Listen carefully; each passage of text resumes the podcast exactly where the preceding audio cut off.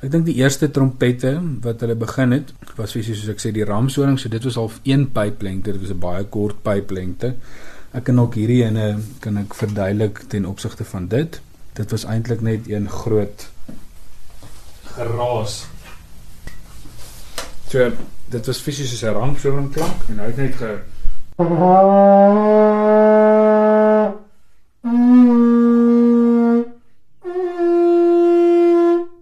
luisteraars sal hoor ook dat daar nie 'n definitiewe klank is met ander woorde wat ons kan koppel aan ons vandag aan ons musiek nie. Maar dit is met ander woorde net een pyplengte gewees.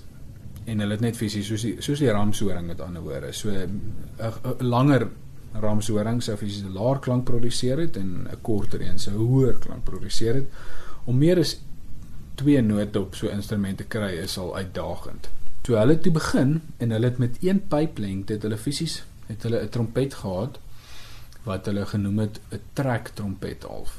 Daardie trek trompet was eintlik die eerste ding wat hulle regtig toonhoogte mee kon bietjie onderskei. Mm -hmm. Maar dit was baie moeilik geweest. So want die mondstuk gedeelte waar ons van geblaas het, het stabiel gebly en dit fisies die hele instrument uit en ingetrek. En toe heel wat later, dit hierdie was so gewees in die lyn van die uh, 1200s. Toe in 1450 of in die 1400s het hulle begin met die skuif trompet fisies. Wat eintlik op daai stadium eers 'n tromboon was, maar hy het met ander woorde soos die trombone wat ons vandag ken, het hy 'n dubbelpyp gehad mm. wat ons geskuif het en wat fisies die lengte van die pyp langer en korter gemaak. Want die een wat jy nou vashou het nie die kleppe nee. wat jy druk nie, nee. want jy verduidelik. So kom ons nog net so deur die instrumente wat ek julle ook gaan vat. Daar's drie metodes waarop ons die toonhoogte kan verander. Met ander woorde, die eerste een is doeteenvoudig om die pyp langer te maak mm -hmm. deur middel van 'n glystuk. Met ander woorde, ons begin op een posisie gaan vir julle nou 'n stadige noot speel dat julle kan hoor met ander woorde die noot gly van 'n kort pyplengte tot 'n baie langer pyplengte. So ons het met ander woorde een klank.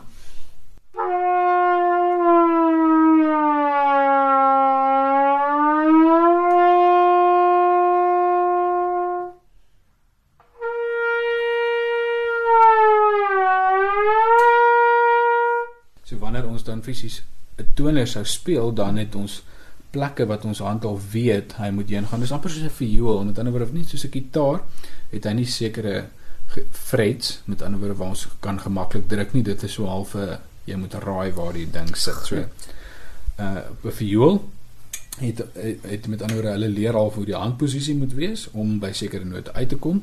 Net so op 'n trompet of 'n skuiftrompet of tromboon met ander woorde ons lees leer dat sekere posisies sit op sekere plekke. So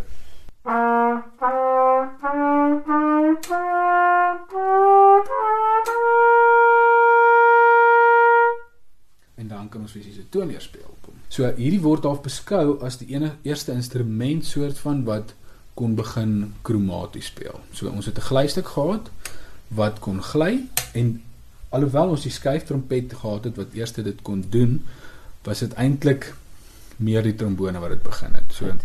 Dis ook hoekom jy gesê die instrument is eintlik by die trompette, maar ook eintlik by die trombone. Ja. Okay. So uit uit of met dit begin en toe het ons die die sekbad gekry.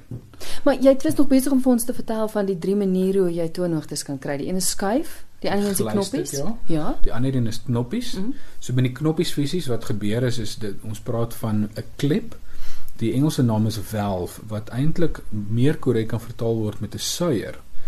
Maar dit is nie 'n suier fisies nie, want 'n klep is fisies iets wat oopmaak mm. en dan die die addisionele pyplengte aanlas.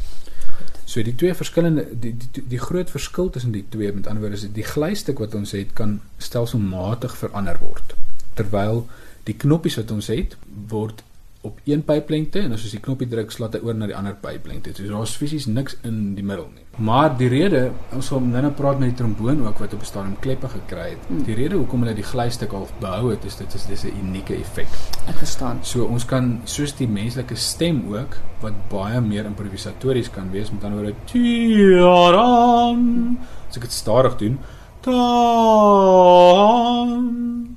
Op die klepinstrument is dit fisies moeilik, waarop die tromboon met die glystuk, net soos met die viool ook, kan ons baie meer kan ons gly op 'n gemaklike manier. So as die skuifstuk is die kleppe en die derde manier om toonhoogte te kry. Dit is eintlik net by die horings wat ons dit gebruik en dit is 'n manier wat ons met die hand die klank stop. Na Abraham verduidelik het hoe toonhoogtes verander kan word, het hy oor die verskillende soorte trompette gesels. Ons het byvoorbeeld hierdie enetjie wat ons noem die uh, gewone beul of die militêre beul. So dit was ook net een pyplengte gewees en julle sal almal die uh, taptoes ken wat hulle gespeel het in die militêr. So iets is die last post.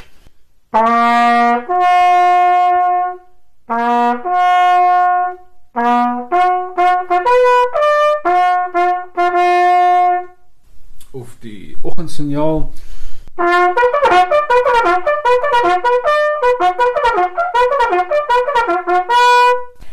Hy lê 'n trompet wat nie soos 'n trompet lyk nie omdat hy net reguit lank is. Dit lyk soos die bytjies wat op die blommetjies blaas. Soos ons gesê het in die begin, is dit gaan oor die lengtepyp. Wat hulle gedoen het ook in daardie in die ou tyd en tussen die uh, 1100s en 15 1600s is hulle het fisies trompette gesoek wat hulle meer melodieus kon speel. Met ander woorde wat hulle nie net soos die militêre beeld net so paar nootjies kon speel nie. So toe sê hulle maar as ons die pyp langer maak, dan kan ons dit kry. Hierdie ene is is 'n meer moderne weergawe. Die die oorspronklikes het nie die kleppe bygehad nie. So dit was fisies net een lang pyp met die klok of die bel dan wat op die einde gesit het. Vandag het ons om om omrede die pyp so lank is, kry ons nog steeds half daai lang fanfare trompet. Dit is wat ons hom ook noem, is 'n fanfare trompet of 'n herald trompet. So die herald is fisies die uh, fanfares wat hulle gespeel het. So um, daarom noem ons dit ook 'n herald trompet. En omdat die omdat die pyp dan so lank is, kry ons meer botone wat ons gespeel kry.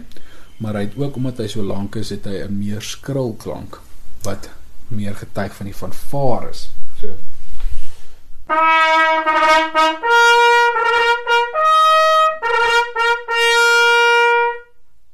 Baie van die variante wat ons nou ingaan in die meer moderne instrumente het verskillende groottes van klokke en verskillende materiale om verskillende klanke te kry. So dit maak 'n verskil, die grootte van die klok en die materiaal. Ja. Hier's nou 'n hele paar moderne trompette wat hier lê. In die begin 1800s het hulle begin met wat ons noem vandag pistonkleppe. Net soos wat in 'n in 'n motorvoertuig is. So hierdie klep gaan fisies soos 'n piston beweeg hy op en af binne in in sy in sy kassie en hy maak dan fisies hierdie klep maak dan die pyp oop na verskillende pyplengtes toe. So as ek die uh, eerste klep druk, dan sal hy die eerste pyplengte sal hy maak om meer presies te wees. Hy begin by die tweede knop, so as ek die tweede knop druk, maak ek hom 'n half toon langer. As ek die eerste klep druk, maak ek hom 'n heel toon laer en as ek hom die derde klep druk, dan maak ek hom fisies 'n toon en 'n half laer. So met die verskillende kombinasies wat ek dan kan gebruik, kan ek die hele kromatiese toonleer kan ek speel. En van daar af met die trompet het hulle begin in mal geraak. So dit verskillende groottes gaan bou om verskillende klanke te kry en, en party van die klanke is regtig wonderlik. So uh ons het byvoorbeeld 'n flugelhorn wat in dieselfde toonsoort is as 'n gewone bemol trompet, hmm. maar ons het 'n baie groter klok. So dit is ook een van die groot verskille tussen al hierdie instrumente. Ons praat van 'n silindriese instrument of 'n koniese instrument. Silindriese instrument se pype bly almal dieselfde regdeur.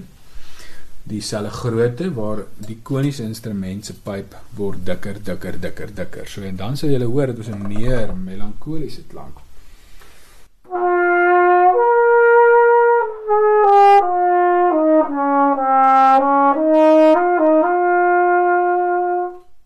Net so hier ook het ons 'n mellafoon. Nou hierdie mellafoon het meer ontwikkel in die Sousa. Dit Sousa in, in Amerika was 'n baie baie groot tradisie gewees. So die marsorkeste wat hulle begin het, het hulle begin om hierdie instrumente te bou. Want ons het 'n hele orkes nodig gehad en ons kon nie net met trompette en trombone werk nie. Dit het net nie gewerk nie. Mm -hmm. So die mellafoon se klok is nog groter as die flugelhorn se. En hy is dan in E-mol gebou en ons het dan 'n hele wat 'n laar klank.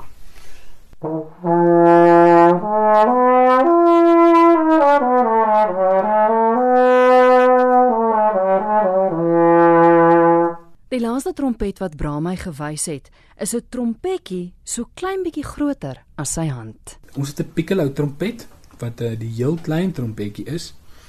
Ehm um, en hulle lyk eintlik of hulle boeties kan wees, maar dit is wel nie. So wat in Amerika gebeur veral is as hulle word gevra om te gaan speel in 'n ander staat. Daar's nie goeie trompetspelers nie en hulle gaan en hulle gaan speel daar en ehm um, hulle word dan nie baie goeie geld betaal nie. Nou sê hulle hulle klim op 'n vliegtyg en hulle word al geweier dat hulle kas in die gewone handbagasie gaan en dan word hulle kas onder in die in die vliegtyg gelaai en as hulle die ding aan die ander kant uithaal, hulle duisende en duisende en duisende rande se instrument dan ehm um, het die ding duike en gate en goed in. So toe bou hulle hierdie instrumentjie. Nou as ek hom fisies op op my hand sit, is hy dan nog groter as my hand. Maar as ek 'n groot baadjie sak het, kan ek hom omtrent wegsteek daarin. So niemand gaan hom sien nie. So as ek oor die grens gaan en ek moet gou op die vliegtuig klim of wat ek wil gooi ek hierdie dingetjie in 'n rugsak en ehm um, ek gaan oor en ek gaan speel my uh my konsert wat ek moet gaan speel vir die bietjie geld. So gewoonlik as mens 'n professionele konsert het, dan moet mens maar net die moeite doen. Die instrument het maar sy uh, sy goedjies wat mense bietjie terugtrek. Met ander woorde hierdie ons noem dit 'n pocket trumpet of 'n met ander woorde 'n saktrompetjie. So hy kan regtig hy's so klein, maar dit is die lengte van 'n gewone bemol trompet. So ek gaan gou-gou vir die luisteraars hierso hier is my gewone bemol trompet. En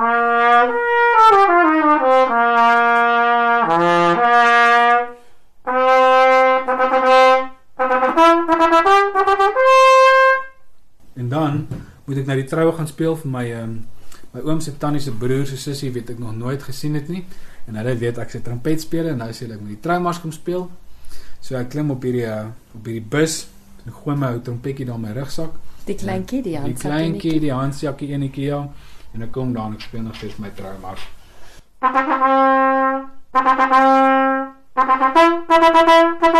Thank you.